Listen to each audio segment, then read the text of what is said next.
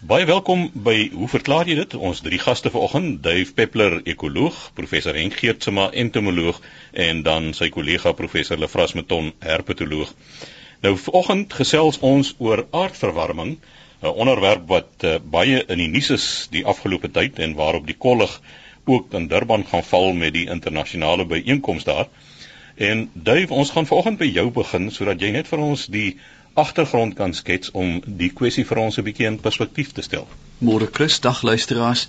Ja, ek dink ons moet nou ons gordels vasmaak vir 'n onderwerp wat heel moontlik kan uitloop in baie plekke op emosionele en met politieke ramifikasies, maar kom ons probeer dit totaal nugter behandel en kyk na die aarde van sy begin af tot nou toe en hoe klimaat die drywer was vir verandering. Ons moet eenvoudig aanvaar deur die wetenskaplike bewyse dat reg van die van die begin van die aarde, van die ontstaan van die aarde, was daar gedurig klimaatverandering. Die bekendste aan die luisteraars uiteraard is die ystydperke. Ons weet almal van ys wat byna die hele aardbol toegekruip het en dan weer teruggekruip het. Maar ons het natuurlik deur die wetenskap baie akkurate aanduiders van hoe dit gemeet kon word. Met ander woorde, ons kan die hele legkaart nou baie netjies in mekaar sit tot 'n hele paar miljoen jaar gelede. En die aanduidings wat ons gebruik is natuurlik yskerne. As jy in die Noordpool ingaan en jy boor in of die Suidpool dan, dan kan jy oor letterlik 10000 of selfs 100000 jare kan jy getuienis kry van wat in die atmosfeer aangegaan het. Daar's 'n klein lugblaasie, is vasgevang in die ys en jy kan met 'n probe daarin gaan en presies die samestelling van die atmosfeer 200 000 jaar gelede bepaal. Daar is ook partikels vasgevang van vulkaanas en stof wat gewaai het ensovoorts dan is daar boorgate, nuwe boorgate, nie ou boorgate op Mojapie se plaas nie, maar as jy 'n nuwe boorgat die aarde insit, dan gaan jy deur sedimente en jy kom ook op oerwater af wat natuurlik elemente in opgesluit het van wat in die atmosfeer aangegaan het toe die water geskep is. En mens kan die ouderdom van water baie maklik bepaal met swaarwater molekules ensovoorts. Van die interessantste maniere om dit te doen is natuurlik jaarringe in bome en ons weet dat die Amerikaanse bristlecone pine byvoorbeeld is nou gedateer tot 5.500 jaar gelede. Hierdie een enkele organisme staan hier van die begin van beskawing af. Met ander woorde as ons dan kyk na die interring spasiering, kan ons baie sterk afleidings maak van watter tipe klimaat maksimum temperature ensovoorts daar was. Dan is daar ook stuifmeelkorrels wat oral vasgevang is en van die belangrikste oseaansedimente. Ons boor daarin en daar vang ons dan tyd vas in hierdie laag. Nou, wat is die oorsake dan van verandering voor die industriële tydperk? Ons moet dit nou baie duidelik maak want hier kom die waterskeiding of dalk die klimaatskeiding. Die aarde is nie stabiel in sy wentelbaan om die son nie en hy kantel, hy skud 'n bietjie op sy as en so aan en die siklusse daar is baie baie lank in die orde van soms 100 000 jaar vir eksentrisiteit en 41 000 jaar vir die hoek van inval. Met ander woorde dit verander heeltyd en dit bepaal waar sonlig val op die aarde en hoe warm sekere gebiede is. Nou ja, hierdie natuurlike siklusse oor baie lang tydperke sal die klimaat laat verander. Maar dan is daar ook 'n baie belangrike een hier op die grond in die vorm van vulkane wat uiteraard dan partikels die lug instuur en so komberse om die aarde vorm en ook natuurlik die uitlating van CO2. Ons weet byvoorbeeld dat die Tambora vulkaan in Indonesië in 1815 het temperature byna 2 grade laat sak as gevolg van hierdie kombers effek oor die aarde. En dan soos ek gesê het, het die vulkane uiteraard ook CO2 uitlatings en as 'n mens dink aan Chile byvoorbeeld waar ek onlangs weer was, daar's 4500 vulkane waarvan 'n derde omtrent aktief is. Jy weet in die nag sien jy net vuur teen die Andes. Met ander woorde, hierdie engines van die aarde is besig om groot hoeveelhede as en CO2 in die lug in te stuur. Nou een van die feite wat nou uitgewerk is deur slim wetenskaplikes waarvan ek niks weet nie, sê dat op die huidige oomblik is die mens besig om in die orde van 150 keer meer CO2 vry te stel as die gesamentlike vrystelling uit vulkane. Maar dit nou vir die later in die gesprek. Hierdie verandering in die lading van gasse in die atmosfeer verander sogenaamde kweekhuiseffekte. Met ander woorde, Net soos in 'n kweekhuis waar jy tomaties kweek, kan jy skadu net daaroor sit en dan kan jy reguleer hoeveel sonlig jy wil deurlaat en dit bepaal die temperatuur van hierdie tonnel op 'n sekere plek. Wat dan gebeur is dat soos oseane kouer en warm word, beïnvloed dit die opname van CO2 soos dit warmer word word CO2 vrygestel en soos dit kouer word word dit vasgevang. En ons weet uiteraard dat die oseane die grootte meerderheid van die aardoppervlak beslaan. Met ander woorde dit is 'n groot wat die Engelse noem 'n sink met ander woorde 'n vasvangplek vir CO2 en daarom word dit of opgeneem of dit word vasgehou en vrygestel en ons is bang vir die vrystelling wat skielik met 'n historiese vinnige toename van temperatuur hierdie hele proses kan versnel Dan is daar nog 'n ding wat ons net moet uh, van weet en dit is die verandering van seestrome met seetemperature. Ons weet daar is 'n groot band van oseane wat die aarde werklik omsingel uit die Stille Oseaan om Afrika op in die Atlantiese Oseaan waar die golfstroom word gedraai by IJsland en hierdie enjin versprei hitte oor die aarde. Nou met verskillende klimaatsregimes kan die snelheid en die intensiteit van hierdie strome verander en so natuurlik weer dan die atmosfeer impakteer. Wat ons in belang stel in hierdie gesprek is die tempo van verandering. As 'n mens praat van intergletsertye, dan praat ons van miljoene of honderdduisende jare en daarom is dit 'n sogenaamde geologiese tyd wat ons van praat. Dit stel ons natuurlik nie vry van klein veranderings binne redelike kort tydperke nie want ons weet byvoorbeeld dat in die laaste 2000 jaar daar redelike klein pieke in die grafiek was en van die interessantste was die klein ystydperk hierso van 1500 tot 1850 selfs so resent het die aarde werklik kouer geword 2 grade Fahrenheit nou in die orde van sê net maar 'n graad Celsius. Die ander ding wat ons net dan ook op die tafel moet sit is dat gemeet aan die aarde se dinamiek is 1 graad Celsius verskil in die algemeen om die aarde 'n baie groot verskil. Aardverwarming beteken nie 30 grade nie, dit beteken 1 tot 5 grade. Wat dan in terme van ons bestaan op die aarde katastrofale gevolge kan hê in terme van vloede ensovoorts. Maar dan weet ons die laaste punt wat ek dan wil maak is dat die industriële tydperk waar industrie gemekaniseer is En veral in die laaste 100 jaar is daar beduidende toenames in temperature en die vlakke van veral CO2 en metaan in die atmosfeer. En ons voel dit nou aan eie lyf. Ons is geneig om te dink in terme van ons eie leeftye. Jy weet toe ek 'n kind was, was daar meer mossies op Robertson. Dis nonsens. Ons moet dink in geologiese tyd. Nou, ek dink dit som eintlik die agtergrond op tot die kompleksiteit van die stelsel waar ons mee te doen het. En ek dink miskien is dit tyd dat ons nou as individue en ek wil graag sommer by hulle vras begin en sê hoe dink hy dat in sy veral in sy spesialiteitsveld van al die akedisse en slange goed sal hierdie veranderings impakteer. Dave net voordat ons by hulle vras met ton aansluit daaroor dink ek ons moet net eers so vinnige pouse neem en dan gesels ons verder in hoe verklaar jy dit?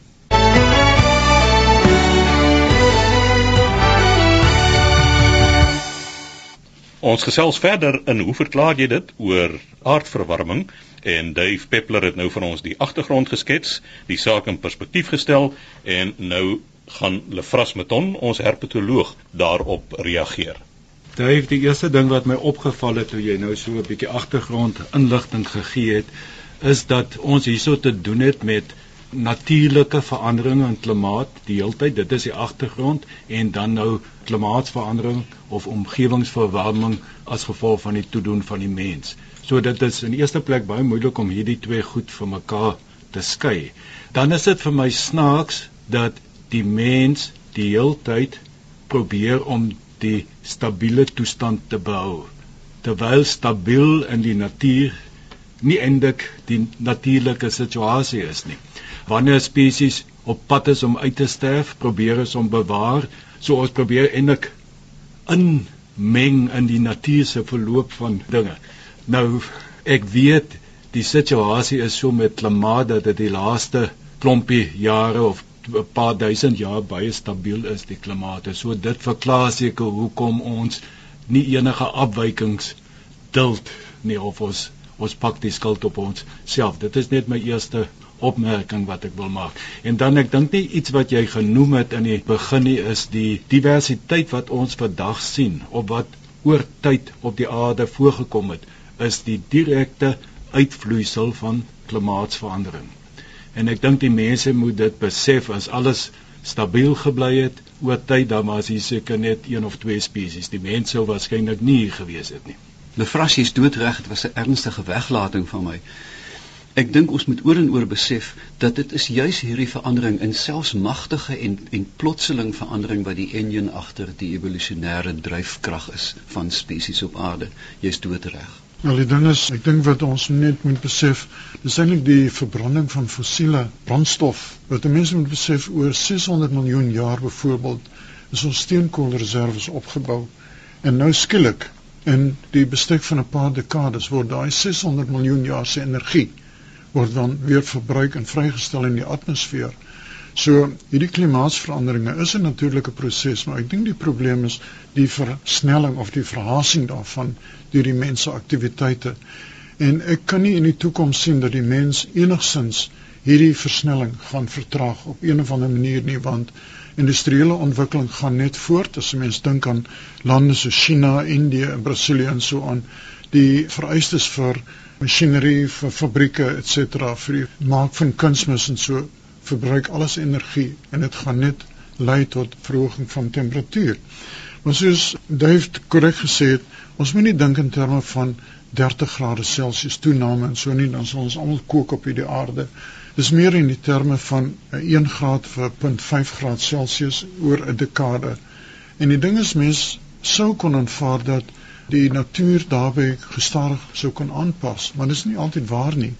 Want as jy mens dink in terme van insekte, wat natuurlik weer my liefhebbery is, 'n plant of 'n dier in die algemeen het 'n baie lang generasie verloop terwyl 'n insek 'n kort generasie verloop. Met ander woorde, die effek op insekte is eintlik baie sneller as op plante of byvoorbeeld reptiele en soogdiere.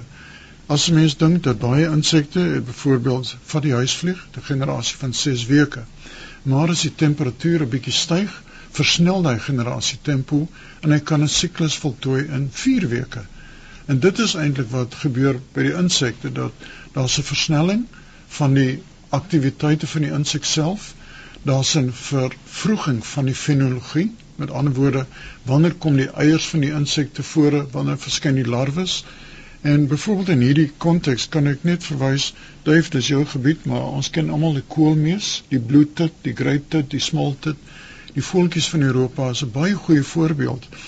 Nou die voëls moet ruspers verkry vir hulle klein larwetjies, vir hulle kuikens hier so rond April Mei maand. Nou het hulle gevind dat in Noorwe byvoorbeeld as gevolg van die klein toename in temperatuur het die insekte wat die ruspers moet lewer reeds hulle siklus voltooi. Met ander woorde, as die koolmeesies dan hulle kuikens wil voed met die ruspers, is daar nie meer ruspers nie. Met ander woorde, daar's 'n indirekte effek wat ons ook het en ek dink Dave, jy kan miskien meer voorbeelde daarvan uithaal. En praat van insekte, reptiele sal ook in die prentjie kom. Ek dink die feit dat daar omgewingsverandering of verwarming besig is om te gebeur, dit is 'n gegewe en so dit is 'n goeie geselsie om te bespreek hoe gaan diere en plante daarop reageer. En ek dink mense moet dit dalk op op drie vlakke na kyk. Ek dink meeste veral diere het 'n graad van plastisiteit. Hulle kan deur hulle gedrag, ek dink jy het so iets gesê oor die insekte, ja. hulle kan deur hulle gedrag vroeër in die oggend aktief of hulle verskuif hulle aktiwiteit van die dag na die nag ensovoorts ensovoorts kan hulle dit absorbeer daardie klimaatsverandering van 'n graad Celsius in daardie orde sê nou oor 'n jaar tydperk.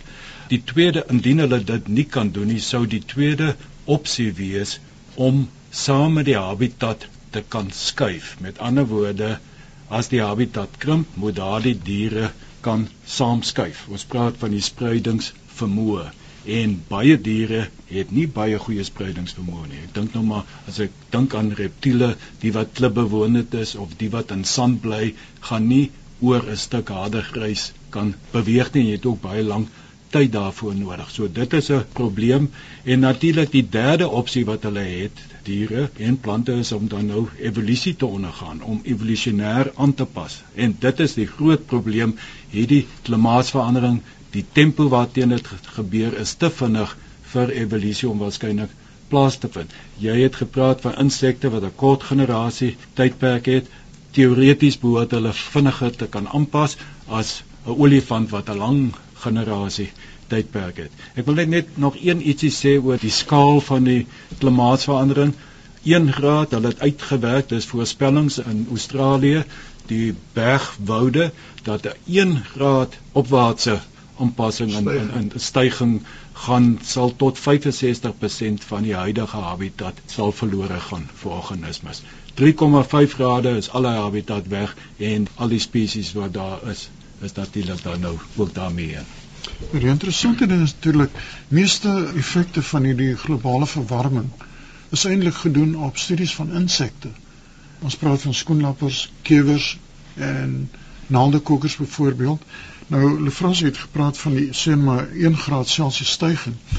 Hulle het in Europa bevind in Spanje dat byvoorbeeld 1 graad styging kan veroorsaak dat die habitat met 200 meter hoogte of laagte gaan verskuif. Met ander woorde, insekte wat byvoorbeeld koud geadapteer is, gaan 200 meter hoër moet gaan met verwarming en die wat warm geadapteer is, het dan 'n groter verspreidingsgebied En dis net 1 graad Celsius wat 200 meter. Nou mense dink 200 meter is nie baie nie.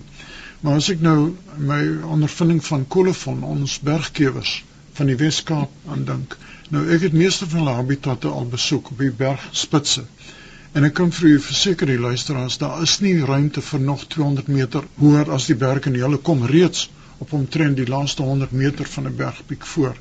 So ons vermoed dat hierdie insekte gaan binne die volgende 40 jaar net eenvoudig verdwyn as die tempo van verwarming voortduur. Ek wil net oor hierdie bergstorie iets byvoeg. Berge is natuurlik ideale refugia vir klimaatsverandering omdat jy kan dink op 'n vlakte as daar 'n graad verhoging in temperatuur is, moet diere honderde kilometer trek om by koele area uit te kom. By 'n berg is dit etlike 100 meter of selfs laer is dit wat hulle moet skuif. Ja, en die probleem natuurlik ook met die evolusie het hierdie kolefonkewers die vermoë om te kan vlieg verloor. Met ander woorde, hulle is eintlik vasgevang op die bergspitse van die Weskaap en ons beskou dit eintlik as eilande. En hulle sal nie deur die valleie kan beweeg na 'n ander bergspits nie, want hulle is net nie warm geadapteer nie twee of drie opmerkings. Lefras eers by jou die merkwaardige van verspreidingsvermoë lê natuurlik ook in die ystydperke as jy dink dat ys die rand van die ys het byvoorbeeld Spanje bereik jy weet in binne 'n baie kort tydperk is dit weer 'n paar duisend kilometer noord in die hele kaboedel het saamgetrek. Daar het natuurlik baie gevrek so sommige kan nie trek nie ander kan verskriklik bome en sade en grasse kan baie vinnig trek Wat my 'n bietjie bekommerd maak en dis 'n emosionele ding, ek weet dit, is as 'n mens kyk na Wilson se werk, die bekende entomoloog oor die aantal spesies op die aarde, dan besef ons en ek weet nie nou Henkie se my kan reg sê byvoorbeeld dat ons 3 miljoen insekspesies reeds beskryf het, maar dat daar vermoedelik in die orde van 9 of 11 miljoen is. Met hierdie plotseling verandering besmoontlik deur die mens gedryf is daar uitsterwings voordat ons die goed name gegee het? En dit maak my so half triestig. Jy weet dat ons Gogga X sterf uit voordat hy ontdek is. Jy verstaan? Is dit belangrik? Vir my ja want ek klou aan my verwondering van die omgewing. En dit is my tragies dat hierdie goed sou uitsterf maar dit het ook gebeur in die tyd van Moses en voor Moses daar was. Maar dit is my persoonlike mening. Dit is baie interessant hierdie kwessie van uitsterwings en ook ontdekkings. Kyk al hierdie bewyse vir klimaatsverandering en effek op die omgewing is gebaseer op aantal uitsterwings. Nou word daar intussen ook baie nuwe spesies beskryf, so as mens nie kop hou nie, dan styg die aantal spesies in steede van dat dit moet daal. Die ding is ons praat as ons praat van sy uitsterwing van spesies. Ek dink klimaatsverandering is nie so 'n groot faktor nie, is meer habitatversteuring deur die mens, veral in die tropiese gebiede. Dit is eintlik waar die groot knou aan ons kennis oor die diversiteit van insekte van plaasvind. Doodreg Henk, vir my een van die pragtigste voorbeelde van simbiose is sekere tropiese insekte wat in blomme voorkom wat kolibries besoek. Meeste van hierdie insekte het hulle vlerke verloor. Hulle gebruik eenvoudig die kolibrie as 'n taxi tussen blomme. As jy 'n mannetjie tor is en jy sien byfie tor op blom X, dan klim jy op dit Zola bud kolibrie en vlieg so toe en dan kan 'n mens begin dink aan die implikasie van hierdie verskuiwings. Die kolibrie sal die eerste vlieg. Dan sit daar etlike triljoene torre op op plante sonder taksies. Jy weet in in hierdie langtermyn en subtiele veranderings is die goed wat ons nie noodwendig in reële tyd kan meet nie en ons gaan eers agterkom as dit te laat is wat gebeur het omdat die kolibries weggevlieg het byvoorbeeld. As mens nou net kyk soos wat jy in die inleiding gesê het, die aantal klimaatsveranderinge wat oor tyd plaasgevind het en sommige van hulle was drastiese veranderings as mens dink aan die asteroïde wat die aarde getref het wat gelei het tot die dinosourus se uitsterwing ensovoorts. En tog hier sit ons vandag na al hierdie dramatiese gebeure en hier's nog baie baie spesies op aarde. So Henk, ek stem saam met jou dat die klimaatsverandering in sy eie al is dit teen 'n vinnige spoed gaan waarskynlik nie so groot effek hê, maar dit is wat jy ook gesê het, tesame met al die ander omgewingsveranderinge wat ons as gevolg van die mense aktiwiteite sien. Dit is dalk 'n ander storie. In suiwer evolusionêre terme raak studente vir my verskriklik kwaad as ek sê dit is 'n blote wonderwerk dat die mens nie horings het, jy weet, of skubbe of wat ook al. Dit is eenvoudig net hierdie groot poel wat onderhewig was aan temperature, bombardemente van meteoriete, daar het ys gekom uit die oortbelt, daar is bestraling en so en ons eintlik suiwer uit evolusionêre terme is bloot toevallige wesens. Dit is toevallig dat ons hier is en wonderlik, ek stem volmondig daarmee saam, maar gooi atoombomme en brand die aarde uit en mettertyd trapsgewys sal volledige en diverse lewe weer ontstaan, maar dit sal nie lewe wees wat ons ken nie. Daar's 'n ander effek natuurlik van aardverwarming. En dit is byvoorbeeld in die landboubedryf. Ek het gesê dat die fenologie, met ander woorde die ontwikkeling van eiers, larwes en so van insekte gaan versnel word. Al is dit met 0.5 of 1 graad Celsius. Nou, byvoorbeeld as jy 'n landbouer is, dan kry jy te doen met sê plantluise op 'n later stadium van die kweek van jou plante. Maar met hierdie verwarming wat gaan plaasvind, gaan jy vind dat die plantluise gaan vroeër opdaag. Met ander woorde, sê nou maar jy het 'n gewas soos ertjies of boontjies en jy is afhanklik van die blomme om die peule uiteindelik te vorm. Wat nou kan gebeur is dat die plantluise blomvorming gaan verhinder deurdat hulle vroeër hulle verskyning maak. Weereens temperatuur en insekte het soveel effek op reproduksievermoë byvoorbeeld En ook natuurlik die ander faktore as mens kyk na die gebruik van insektemiddels, dan vind 'n mens dat insekte ontwikkel weerstand teen insektemiddels. Nou hoe gebeur dit? As 'n mens dink aan 'n uh, normale verspreiding. Nou 'n normale verspreiding is sê net maar die gemiddelde lengte van die mens is 1.6 meter. Dan weet ons dat 'n kwart van die mens se bevolking is korter as 1.6 en 'n ander kwart is langer as 1.6.